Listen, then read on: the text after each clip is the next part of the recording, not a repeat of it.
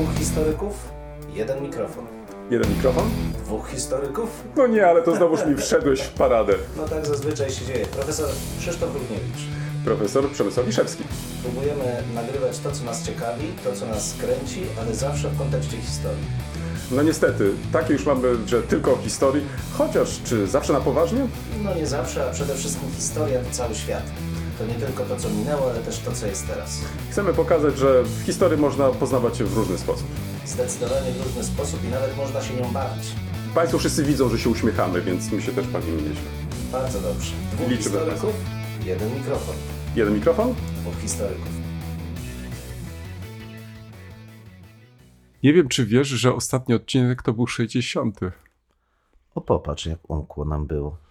No, ja właśnie nie wiem, jak to teraz tłumaczyć. Czy to już rutyna e, w, w, jakoś w, no, zaczęła tutaj się wkradać w nasze odcinki?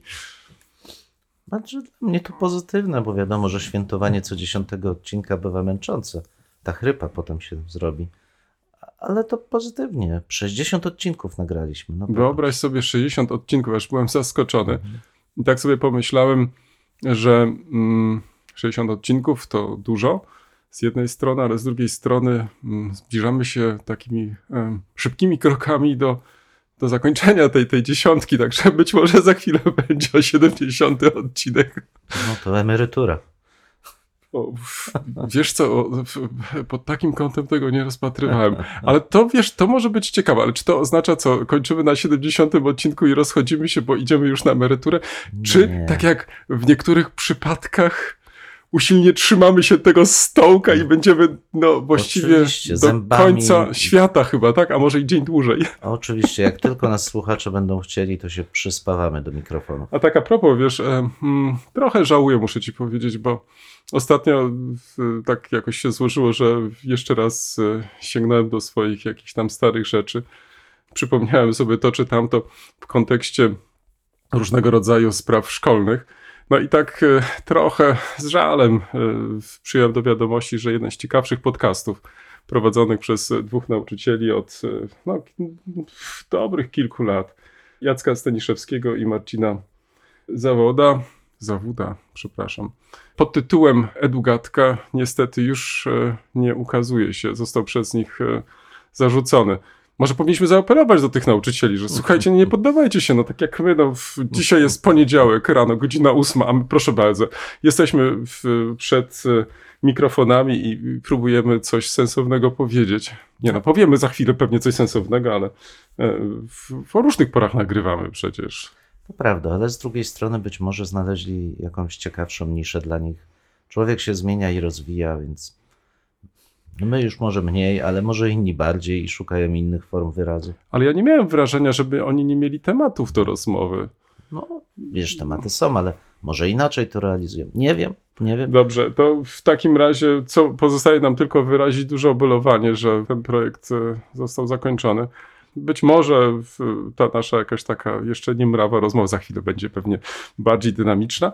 To nie Mm, prawda. e, Zaraz cię mogę pogiglać i będzie bardziej No, mrawa. dobrze. W każdym razie, że w, w, może ta, ta, ta nasza uwaga jednak mimo wszystko pozwoli im przemyśleć raz jeszcze tą decyzję.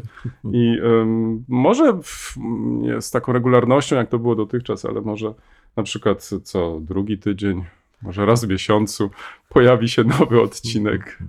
Kolega wierzy w naszą sprawczość. Ja tej wiarę mam mniej, ale na, zachęcam wszystkich, którzy chcieliby coś podzielić swoimi myślami. Podcast, świetna sprawa. Bardzo dyscyplinuje, ale też z drugiej strony pozwala innym spojrzeć na te same rzeczy w inny sposób. Zapraszamy. Mm, To co, roz, rozgrzaliśmy się Tak chyba, jest. mam nadzieję. To, No o ja- rano ciężko się To rozgrzać, ale prawda. dobrze. Ale tak, także to ja już dzwonię. Czyli przechodzimy do teraz już e, właściwej części naszej rozmowy. Lektury. Wyobraź sobie, wczoraj miałem bardzo ciekawą rozmowę. Już nie powiem z kim, bo, bo w, w, w, nie jest to takie teraz istotne, ale zwrócono mi uwagę, że właśnie ta część dotycząca w, naszej rozmowy o publikacjach cieszy się coraz większym zainteresowaniem. Nie wiem, jak ty to robisz. Nie wiem, bo to raczej nie moje publikacje się cieszą zainteresowaniem, więc Myślę, że raczej to twoja część jest bardziej ciekawa. No ja tego nie wiem. Może ten wybór taki autorski sprawia, że e, w, nasi słuchacze w, sięgają po tych naszych rozmowach, po taką czy inną publikację. Na pewno tak, zwłaszcza, że zachęcasz w sposób taki bardzo ekspresywny i zawsze szeleścisz kartkami i ten zapach Tak, proszę Państwa, bo To kolega po raz plusy, kolejny, przebiegając przez most, nie zabrał ze sobą książek. Pewnie tak się spieszył do pracy, że po prostu o nich zapomniał. A nieprawda, bo właśnie wręcz przeciwnie, idąc do pracy, jeszcze raz spojrzałem, co ja w zasadzie mogę Mam do zaproponować. powiedzenia. w kontek- a do powiedzenia jak zwykle niewiele, ale co ja mogę w kontekście naszego odcinka zaproponować z czytanych ostatnio bądź przeglądanych książek, więc mam dwie. No to Co? dobrze, to co przeczytałeś? Ja zaczynam, ale to będzie w kontekście odcinka. No ale dobrze. To nie, okej. to w takim razie, w, w, nie, to, To robimy krok, zacznij. to właśnie, robimy ty bez krok, kontekstu na tak, pewno. krok do tyłu robimy i w to, i w, w, ja w, w takim razie zacznę. Tydzień temu tak się złożyło, że po dłuższej przerwie zaczęliśmy mówić o różnych lekturach. Ale ponieważ e, była to długa przerwa, więc tych lektur nazbierało się sporo i teraz odrabiam zaległości. Hasło wywoławcze na dzisiaj to wystawy. W ostatnich tygodniach obejrzałem kilka wystaw. Jedne lepsze, drugie gorsze, jak to zwykle bywa. O jednej nawet napisałem. Y, Powiem dwa, trzy zdania, bo, bo w, do tej recenzji też chętnie odwołam. Mianowicie chodzi tutaj o wystawę w, w Deutschlandhaus, e, domu niemieckim w Berlinie, Fundacji e, Ucieczka, Wypędzenie, Pojednanie. Instytucji, która w przeszłości budziła spore kontrowersje. W końcu mamy możliwość obejrzenia wystawy. Obejrzałem tą wystawę, ale to, co chciałem e, na początku powiedzieć, nie ma jeszcze katalogu. Do katalogów jeszcze wrócę jako do hasła wywoławczego wystaw. Wystawa bardzo poprawna, wręcz bym powiedział zapoprawna. Tam właściwie mm, nie ma żadnych emocji. Pytanie do ciebie, czy każda wystawa powinna wywoływać jakieś emocje? Czy powinniśmy, no, oglądając taką wystawę, przechodzić jednak mimo wszystko trochę tak jakoś obojętnie? Różne są cele wystaw, to od tego trzeba zacząć. Może, no, no bo w zasadzie mówisz o wystawie, która ma charakter społeczno-polityczny. No więc taka wystawa powinna jakieś emocje budzić, żeby w ogóle ktoś przyszedł. Natomiast jeśli chodzi o odbiór, to byłbym bardzo ostrożny, bo emocja przede wszystkim ma funkcję łączącą, zachęcającą, otwierającą, ale jeśli już człowiek się otwiera, to powinien dostać racjonalny przekaz. I to jest być może to, o czym ty mówisz. To znaczy, że racjonalność przekazu rzadko bywa kojarzona z emocjami i czasami takie wystawy mogą okazać się nudne, ale z drugiej strony bez tego pierwszego ruchu, tych emocji na początku, one przechodzą bez echa.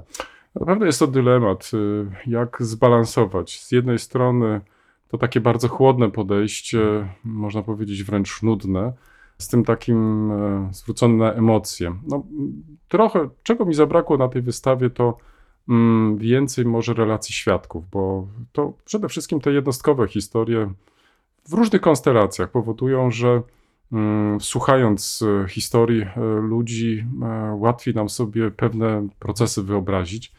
Mm, Czasami może jest to po części historia także znana z naszych historii rodzinnych, inne historie są nowe. I to jest coś, co jest takim elementem łączącym, znaczy takim, które, mm, który może nas zachęcić właśnie do tego, żeby w, mm, inaczej spojrzeć poprzez ten jednostkowy los na może szersze problemy. Dlatego wydaje mi się, że emocje powinny być jakieś e, uwzględnione podczas e, realizacji takich wystaw, ale masz rację, jest to faktycznie bardzo duża odpowiedzialność. To znaczy, żeby z jednej strony taka wystawa była na tyle ogólna, żeby mógł ją zrozumieć każdy, ale też na tyle interesująca, żeby można było od czasu do czasu do niej e, właśnie wracać.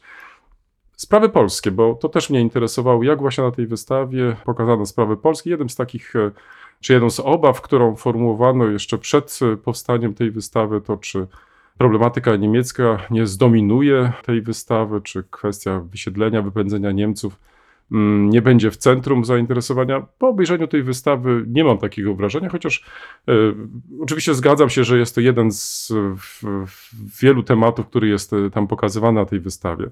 Natomiast to, co mnie dodatkowo jeszcze zainteresowało, to w jaki sposób sprawy polskie są pokazywane. I tutaj na jednym przykładzie chcę to zilustrować. E, w- m, Wykorzystano podczas tej wystawy mm, różnego rodzaju rozwiązania techniczne.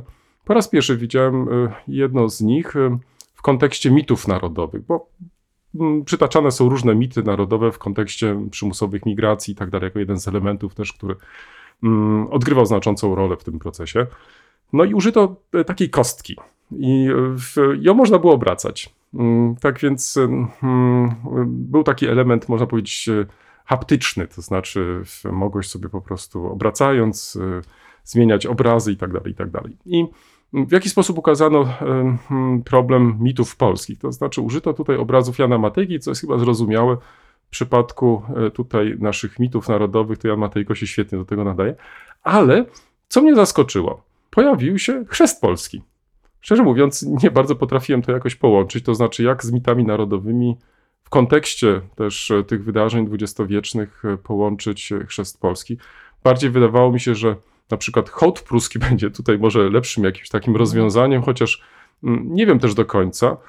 Pojawił się e, naturalnie mm, obraz e, Bitwa pod Grunwaldem, to już szybciej, ale uwaga, autorzy wystawy, no nie podpisuje się Bitwy pod Grunwaldem bei Grunwald. Ja nie wiem, czy któryś z Niemców w ogóle zrozumie, o co chodzi z Grunwaldem, a jednocześnie zwróć uwagę, że rezygnując z tego określenia niemieckiego Tannenberg, zrezygnowano z tego wydarzenia w końcu w- dwudziestowiecznego i tym, co łączono e, właściwie, jeśli chodzi o tą bitwę z, ze średniowiecza z czasami nam najnowszymi, czyli ta odwieczna rywalizacja Słowian z Germanami i tak dalej, i tak dalej. Czyli nie w Schlacht bei Grunwald, tylko bei Tannenberg. No i tak dalej, i tak dalej. Także nie chcę tym samym powiedzieć, że znajdziesz dużo w tego rodzaju potknięć. One są, to prawda, jeśli, jeżeli dokładnie w, się przyjrzysz y, tej wystawie y, w, w kontekście polskim, ale z drugiej strony sobie myślę, no, konia z rzędem temu, na której wystawie nie znajdziesz w- różnego rodzaju potknięć i chyba po to takie prezentacje są, po to jesteśmy także i my jako krytyczni, e, zwiedzający, może nawet i re, czasami recenzenci, ażeby zwrócić uwagę w, na taki czy inny problem. No, tu mm, zaciekawiła mnie ta kwestia chrztu i wydaje mi się, że to jest fajny, dobrze dobrany mm, symbol, bo zwróć uwagę, tak, bo odwołuje się on nie tyle do samego faktu chrztu, jak do, Mhm, jeśli dobrze mhm. to dekoduje, ale do roli z jednej strony chrześcijaństwa i Kościoła w wyobrażeniu historii Polski wśród Polaków, a z drugiej strony takiego misyjnego charakteru Polski i Polaków w ogóle w historii, bo to przecież temat, który stale się pojawia. Chrześcijanin Polak, katolik Polak, a z drugiej strony naród wybrany przez Boga do czynienia jakichś tam szczególnych rzeczy. Więc chyba dobrze dobrany symbol, ale boję się, że bez komentarza niezrozumiały. Znaczy, ja muszę ci powiedzieć, że byłem troszeczkę zaskoczony. To znaczy, e, tak daleko może nie szedłem w tych rozważaniach jak ty, no ale to widać tu.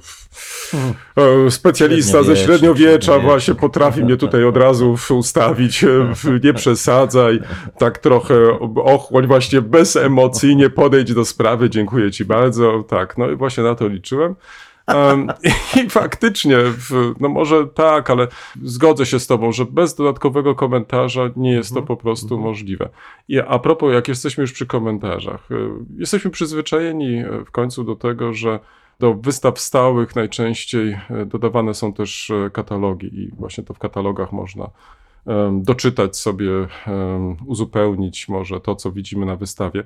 No niestety, jeszcze katalog e, nie jest dostępny. Trochę żałuję, nie ukrywam, bo mając na uwadze to, że ta wystawa powstawała latami, e, było sporo czasu też, żeby taki katalog przygotować, to myślę, że mm, także te pytania, które sobie zadawałem e, podczas tej wystawy, mm, zwracając uwagę to na czy, czy na tamto, to mo, może te moje wątpliwości by zostały rozwiane właśnie w katalogu. Także trochę żałuję, że em, tak się jeszcze nie stało, no ale mm, poczekajmy może. tak, kto wie, może za jakiś czas. Em, Ale przy okazji, jak już jesteśmy przy wystawach i katalogach, to w, mm, na zaproszenie jednego z moich kolegów, e, dyrektora Muzeum Historycznego w Berlinie, Rafaela Grossa, obejrzałem sobie dwie wystawy inne. Pierwsza, która dotyczyła i wystawę, którą Ci bardzo polecam, polecam też Państwu, Błogosławieni przez Boga, to w cudzysłowie oczywiście. Wystawa jest zatytułowana Lista błogosławionych czy pobłogosławionych przez Boga, czyli Liste der Gott Begnadeten. I tutaj artyści narodowego socjalizmu w Republice Federalnej Niemiec. No proszę. Wyobraź sobie temat frapujący. Tutaj e, wybrano do tej wystawy punkt ciężkości i skoncentrowano się przede wszystkim na rzeźbiarzach, ponieważ jak się okazuje, w przestrzeni miejskiej em, Niemiec dzisiaj e, bardzo dużo e, jeszcze różnego rodzaju rzeźb wykonanych w okresie nazistowskim do dzisiaj można w, w, w oglądać. Nie zawsze one są opisane, nie zawsze są one znane. Wykonane przez artystów, którzy tworzyli w III Rzeszy i po II wojnie światowej bez większych problemów, jak przekonuje ta wystawa, mogli kontynuować e, swoją karierę dalej. I dopiero, można powiedzieć, takie e, pewne otrzeźwienie, pewna dyskusja o ich roli w III Rzeszy dopiero pojawiła się w latach 70., co znamy już e, także z innych kontekstów.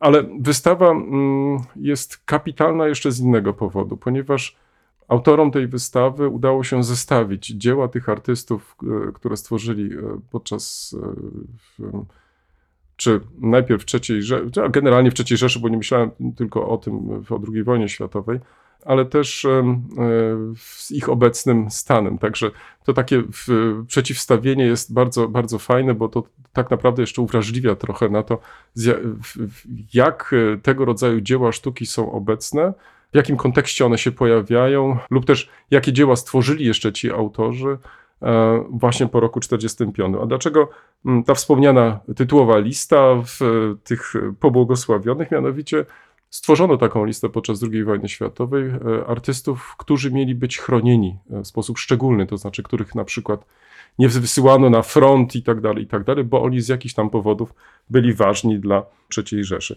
I wyobraź sobie to, co mnie trochę zaskoczyło, bo to była lista, która dotyczyła mm, różnych artystów. Tam e, byli pisarze, tam byli malarze i tak dalej, i tak dalej. Wśród na przykład pisarzy, to trochę mnie zaskoczyło, był Gerhard Hauptmann. Mhm. No, trudno mi sobie było wyobrazić, że w, z racji chociażby jego wieku, że będzie się go wysyłać na front, no ale znalazł się właśnie wśród tych chronionych mm, artystów. Em, wystawa bardzo ciekawa, e, pięknie wydany katalog, e, polecam. Można ją oglądać w Deutsches Historisches Museum. I kto obejrzał tą wystawę, to powinien też moim zdaniem obejrzeć drugą wystawę, która świetnie koresponduje. Już kończę.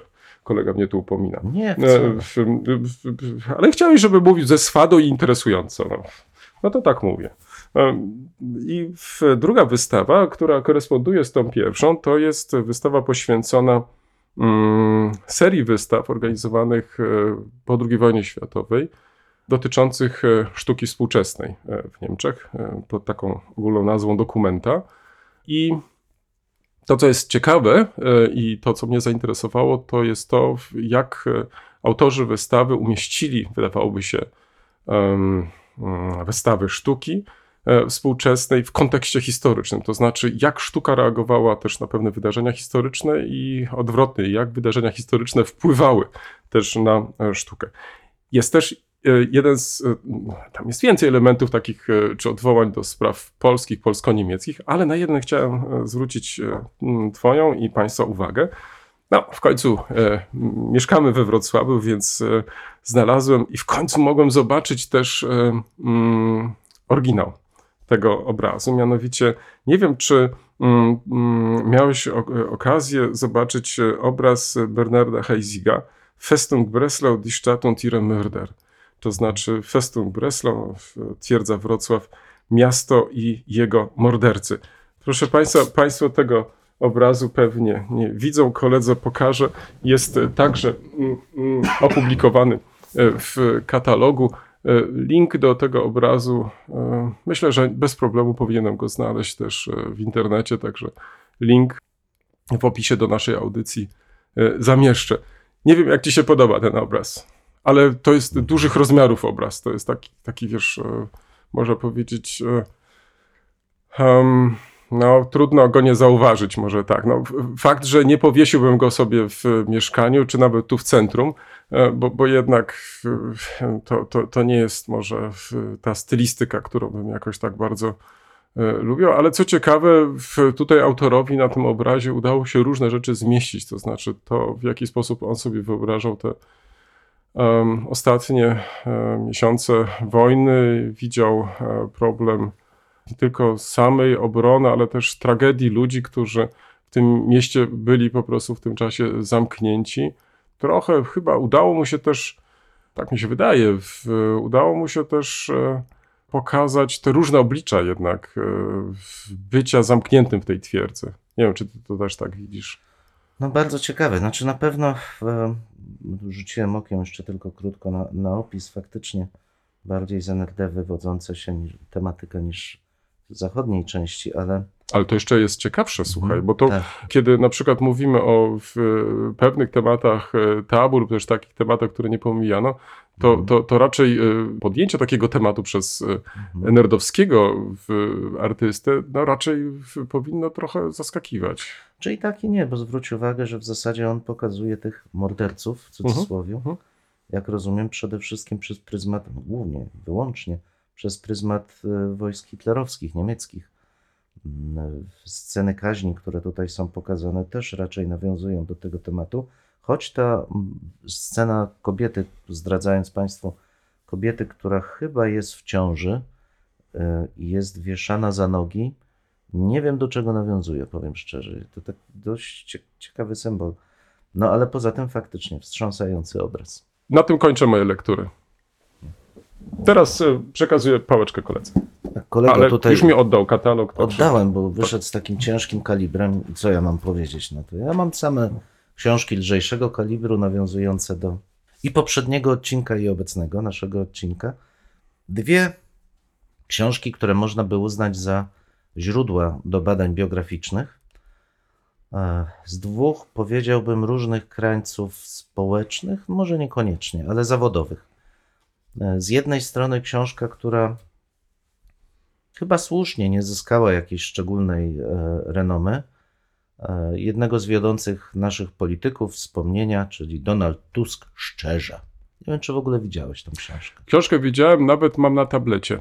No, no właśnie, to pokazuje, jak bardzo koledze ta Tak. książka się nie podoba, ale Ale nie, tego nie powiedziałem, tylko Mhm. w, po prostu zakupiłem, Mhm. myśląc, że gdzieś w drodze no będę miał okazję i sięgnę, ale, ale przyznaję, mm, jeszcze tego właśnie. nie zrobiłem. Ale No jest kolega, który to zrobił. Tak, tak. Z książkami polityków jest ten problem, że rzadko oni sami je piszą.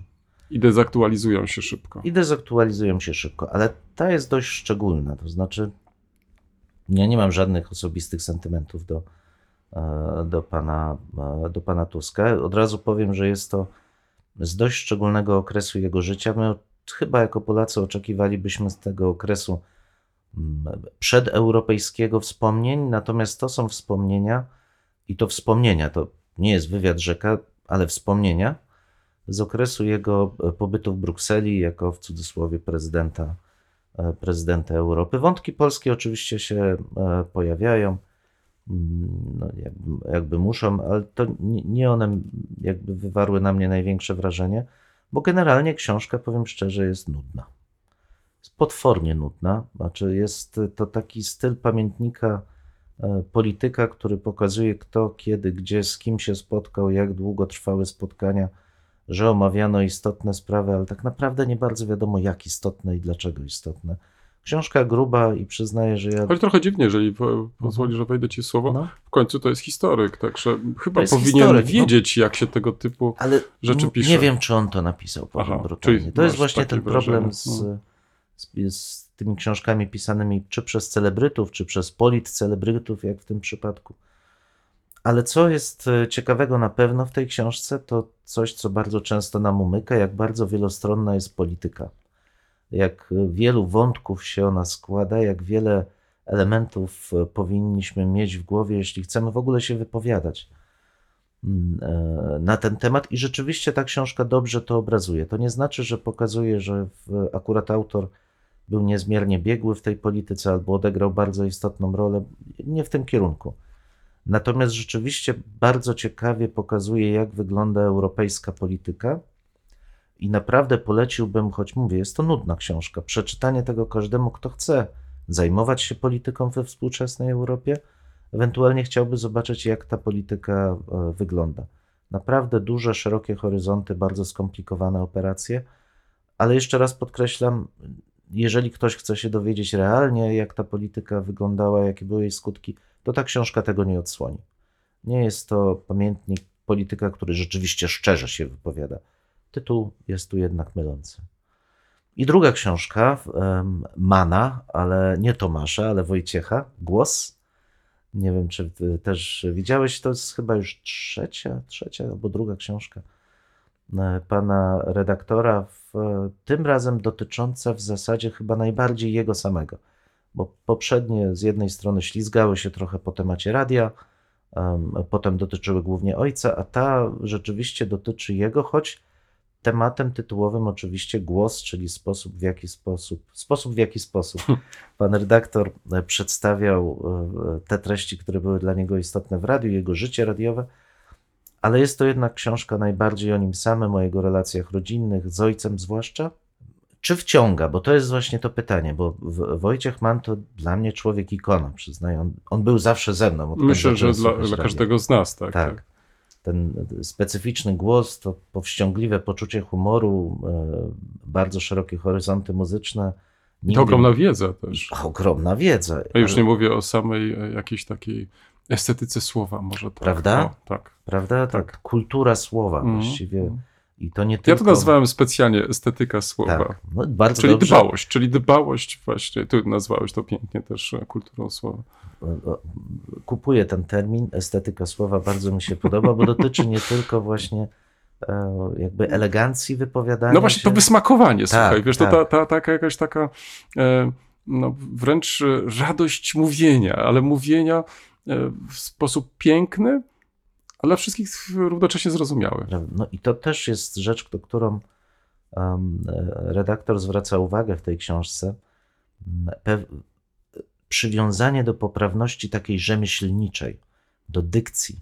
Bardzo dużo miejsca temu poświęca, kiedy wskazuje, że w, jakby w jego czasach ogromną wagę przywiązywano do tego, żeby każda audycja, każda wypowiedź była dobrze przygotowana, starannie poprowadzona, żeby chodziło nie tylko o emocje słuchaczy, ale też o wewnętrzną dyscyplinę tych, którzy realizują z szacunku dla słuchaczy ten. Mogę ci przerwać Mhm. na chwilę?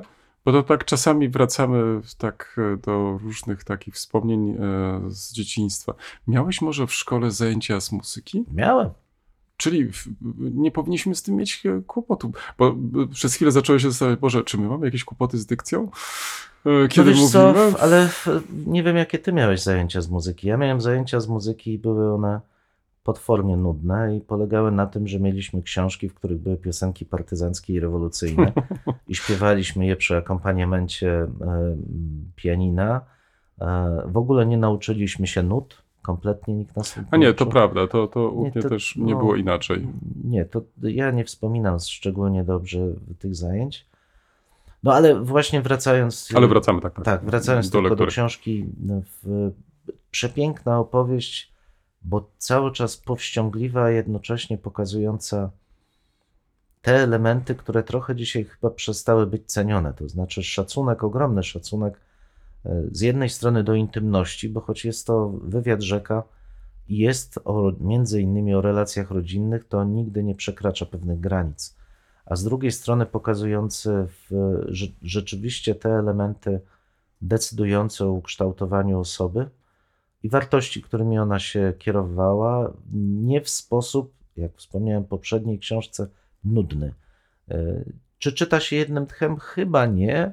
Nie jest to książka, która e, wciąga jakimiś e, intrygami, natomiast pozwala rzeczywiście tą osobę, o której jest napisana, poznać. Serdecznie polecam Wojciech Mann Głos. książka, która spośród wielu różnych wywiadów rzek, jakie czytałem, na mnie zrobiła bardzo duże, może nie największe, ale bardzo duże wrażenie. Tak się teraz zastanawiam, y, no dobrze, ale w, w, chcesz tym samym przejść do następnej naszej części, czyli co będzie naszym tematem? No tak delikatnie sugeruję. Ach, tak sugerujesz. To, to, to, to w takim razie zadzwonię, bo przechodzimy do naszej następnej części. Mm, Wiesz, bo w, kiedy tak słuchałem e, najpierw o tej pierwszej książce, tak sobie pomyślałem, a może to jest problem braku dystansu jednak do wydarzeń, o których się pisze, bo e, to nie jest sprawą łatwą. To znaczy, nawet jeżeli kończysz jakiś etap, bo myślę, że tu taką cezurę widoczną byśmy znaleźli, e, i masz dać takie sprawozdanie trochę z tego, co robiłeś, to teraz zrobić z tego jakąś taką frapującą opowieść wcale nie jest tak łatwo. To znaczy, zwłaszcza jeżeli samemu się jeszcze było głównym aktorem. Mm, Ja nie wiem, czy w takich e, sytuacjach e, nie należałoby zachęcać e, takiego czy innego polityka, czy też osobę, która w, planuje napisać tak, tak, tak, takie wspomnienia, żeby jednak trochę odczekała, żeby jednak nabrać trochę dystansu i z większego dystansu trochę spojrzeć na, na tą swoją też rolę, którą się wtedy odgrywało. I tak przynajmniej mi się wydaje, wtedy chyba e, ta narracja będzie taka trochę inna, to znaczy to ona już taka trochę będzie przesiana przez to sito, bo w takim oglądzie może z dystansu pewne wydarzenia wydadzą nam się mniej lub e, bardziej ważne, a dla czytelnika będzie to też chyba łatwiejsze, bo jeżeli dobrze odczytałem Twoje intencje teraz po lekturze tej książki, że jest to ważna książka, która pokazuje, jak złożona jest dzisiaj polityka, e, ale czytelnik może się poczuć troszeczkę zagubiony, bo, bo on by chciał jednak mimo wszystko być jakoś sensownie poprowadzony. To znaczy, może niekoniecznie od skandalu do skandalu, albo, albo od jednej anegdoty do drugiej. One oczywiście też odgrywają znaczącą e, rolę, zwłaszcza te ostatnie elementy, ale mm, chciałby być może mm, po e, skończeniu e, mm, właśnie tej lektury mieć jakiś taki pewien obraz. I mam takie wrażenie, że e, takiego obrazu to chyba nie miałeś. Tak, no jest to, co w anglosaskiej krytyce, tradycji krytyki literackiej nazywa się red thread. To znaczy ta czerwona nitka, która łączy wszystkie te wydarzenia i nadaje im sens. Um, I ty, rzeczywiście nie, nie widziałem tej nitki w, w tej książce. Może na koniec ta intryga jakoś się rozwiązuje, ale mam wrażenie, że nie. Raczej jest to pokazanie takiego zestawienia fiszek, które ktoś sobie sporządził, notatnika dzień za dniem. I to widać na przykład przy opowieści o Brexicie, która przecież była jednym z najważniejszych e, wydarzeń całej tej prezydentury Donalda Tuska. No i jest to poprowadzone w sposób taki ko- kompletnie niezrozumiały, ale wydaje mi się, że tutaj zaważył też fakt, że, że ten konkretny polityk mógł mieć jeszcze jakieś ambicje, a może ma jeszcze jakieś ambicje polityczne. I brutalnie mówiąc, nie chce się nikomu narazić. Więc wychodzi książka letnia, znaczy, nie, nie jest to rzeczywiście, nie mówi wszystkiego i wiemy, że nie mówi wszystkiego, ale no, nie sposób odczytać tego jako ani komplet, kompetentnego źródła historycznego, ani opowieści z jakąś tezą, z jakimś myślą przewodnią, która, no właśnie jak ten red thread powinna mimo wszystko być obecna w książce. Temat, który chcielibyśmy dzisiaj podjąć, e, jest, wydaje mi się, mm, nie mniej ciekawy i chyba taki, który dotąd jakoś jeszcze nie wybrzmiał e, podczas tych naszych rozmów. Tu chodzi nie tylko o osoby, które są ważne, które w jakimś tam momencie historycznym odgrywają jakąś znaczącą rolę. O nich się mówi, pisze, czy też same nawet e, piszą. Ale też chodzi o różne sprawy, też ważne, mniej ważne. I obserwujemy z biegiem czasu, że o tych osobach później się nie chce pamiętać lub też się nie pamięta. E, Że nawet jesteśmy bardzo zdziwieni, kiedy jako badacze zajmujemy się taką czy inną epoką. e, Nagle odkrywamy te osoby. To znaczy, że w czasie, kiedy one żyły, one faktycznie odgrywały znaczącą rolę. Mm, Jest to pewien fenomen. E, Jest to też pewne wyzwanie także i dla nas. E, Wspomniałeś wcześniej tutaj o tej wielowymiarowości opowieści. Możemy to równie dobrze przełożyć na wielowymiarowość historii. Czy to jest tak, że mm, my zapominamy świadomie czy nieświadomie o tych osobach. E, Jak to się dzieje, że jedne osoby przechodzą do jakiegoś takiego ogólnego rezerwuaru i o nich pamiętamy w, i, chcemy pamiętać, a inne osoby, które w swoim okresie odgrywały znaczącą rolę, o których się pisano i wydawałoby się, że no, spełniły wszystkie warunki, żeby stać się takimi postaciami uniwersalnymi, no, dzisiaj są w ogóle nieznane i w, dopiero czasami przypadek sprawia, że ponownie pojawiają się, e, są przedmiotem naszego zainteresowania, o nich dyskutujemy. Dobre pytanie, bo słowo przypadek też bywa tutaj kluczem, bo mam takie wrażenie, oglądając kariery. Ale to jest Różne. e, rzecz typowa. e, Tak, to jest telefon, e, jest ale telefon. my się nie będziemy tak tutaj. Nie, dobrze. Tak, To, no, no to wracając. Myśląc o karierach różnych też polityków, nie absolutnie tylko dwudziestowiecznych, nie sposób nie mieć wrażenia, że wygrywają ci, którzy w odpowiednim miejscu i czasie się znaleźli. Czasami przypadkiem. Wcale nie najtęższe umysły, e, nie mające najlepsze rozwiązania osoby, ale po prostu takie, które z jednej strony są w stanie odczytać klimat społeczny, mają dobre relacje z otoczeniem, a z drugiej strony ktoś ich popiera, ktoś ich wprowadza. Przypadek ogromną rolę tu odgrywa, ale ja bym zwrócił uwagę jednak na inny aspekt, bo to jest tylko ten element wyjściowy, że, że bardzo łatwo pomylić dwa elementy, to znaczy znaczenie w momencie tu i teraz, a przenoszenie pewnych uniwersalnych treści swoim działaniem. Możemy być świetni w rozwiązywaniu problemów tu i teraz, ale kiedy te problemy znikają, to i pamięć o nas znika, bo i po co? Jeżeli był to problem, który nawet był ważny w danym momencie, ale już się nie powtarza, nie niesie ze sobą żadnej, żadnego przesłania właśnie ponadczasowego, uniwersalnego. Ale czy myślisz, że to jest nawiązanie do wartości? Uważam, że tak, bo zwróć Mhm. uwagę nawet na taki, no chociażby o świętą Jadwigę sobie weźmy. Osoba bardzo wielowymiarowa.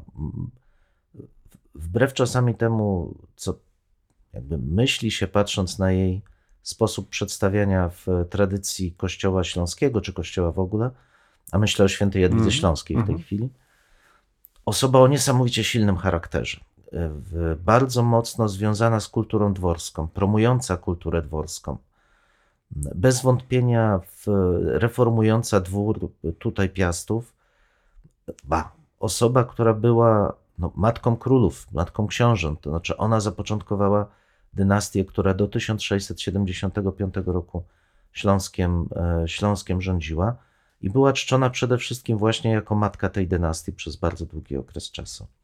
Ale ten element przepadł w zasadzie.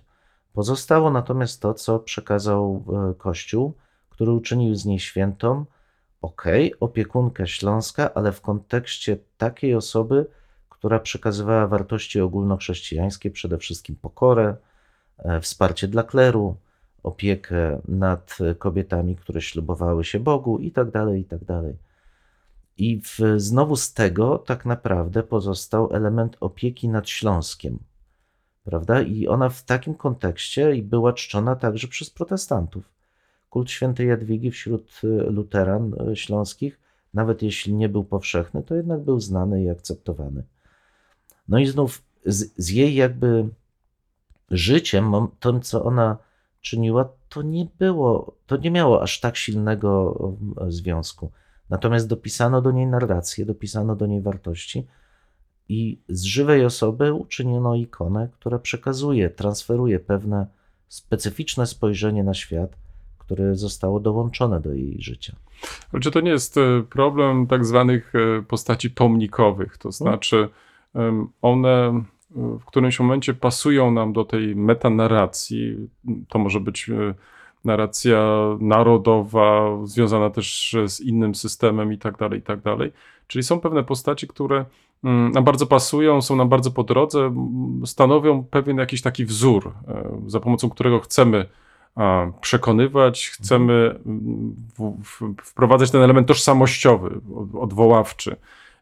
I teraz mocne strony czy słabe strony nie są tutaj istotne, tylko to, w jaki sposób my kreujemy em, dzisiaj taką właśnie postać, bo, bo niekoniecznie to musi, tak jak przed chwilą słusznie zauważyłeś, niekoniecznie musi to mieć związek e, e, z, z tą e, rolą, jaką ta postać pełniła właśnie w swojej epoce. Tak, no wiesz, ja mam drugi taki dla mnie znaczący przykład, jak bardzo opowieść o, o człowieku um, kompletnie odrywa się od jego faktycznego życia, to jest Henryk II Pobożny.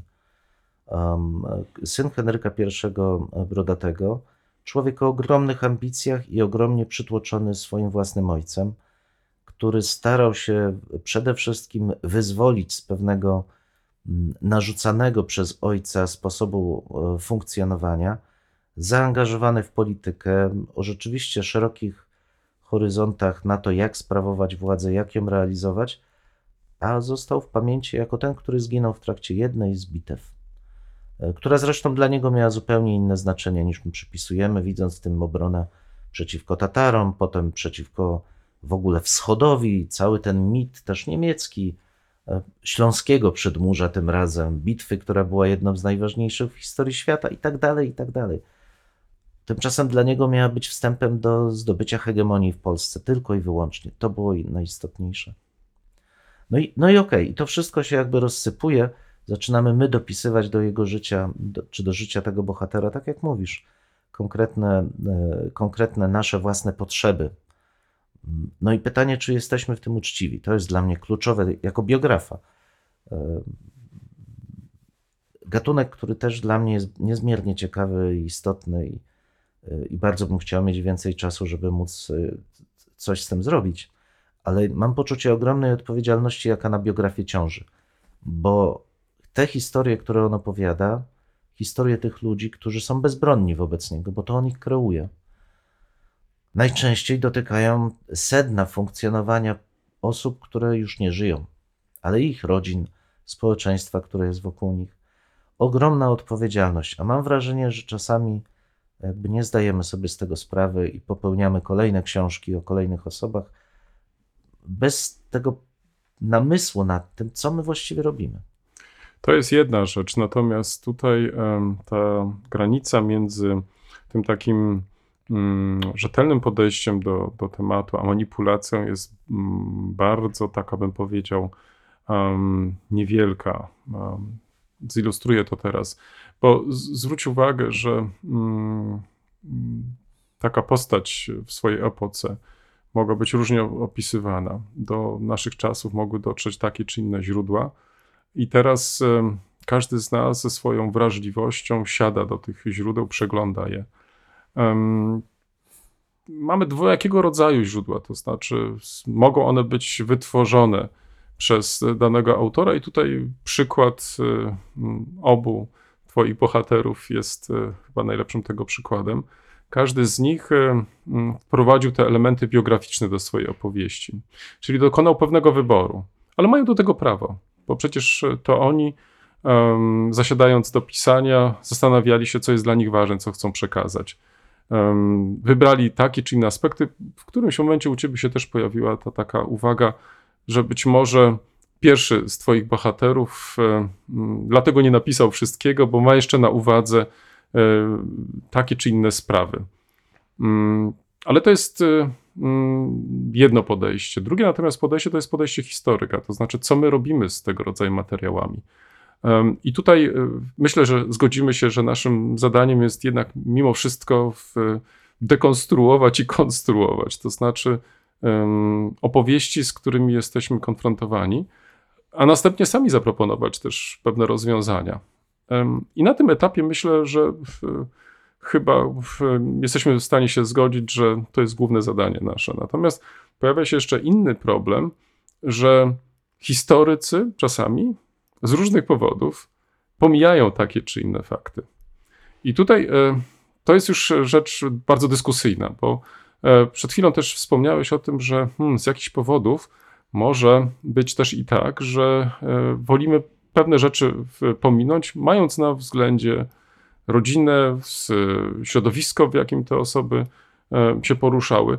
I tu z, z mojego punktu widzenia wraca cały czas e, sprawa, zwłaszcza w historii najnowszej, dystansu. To znaczy, łatwiej na pewno będzie mi pisać o jakiejś postaci sprzed 50, nawet 100 lat, niż sprzed 10 lat, bo um, raz, że ta postać jest jeszcze jakoś tam pamiętana, e, inaczej e, są pewnie różne interpretacje, mamy różne podejścia.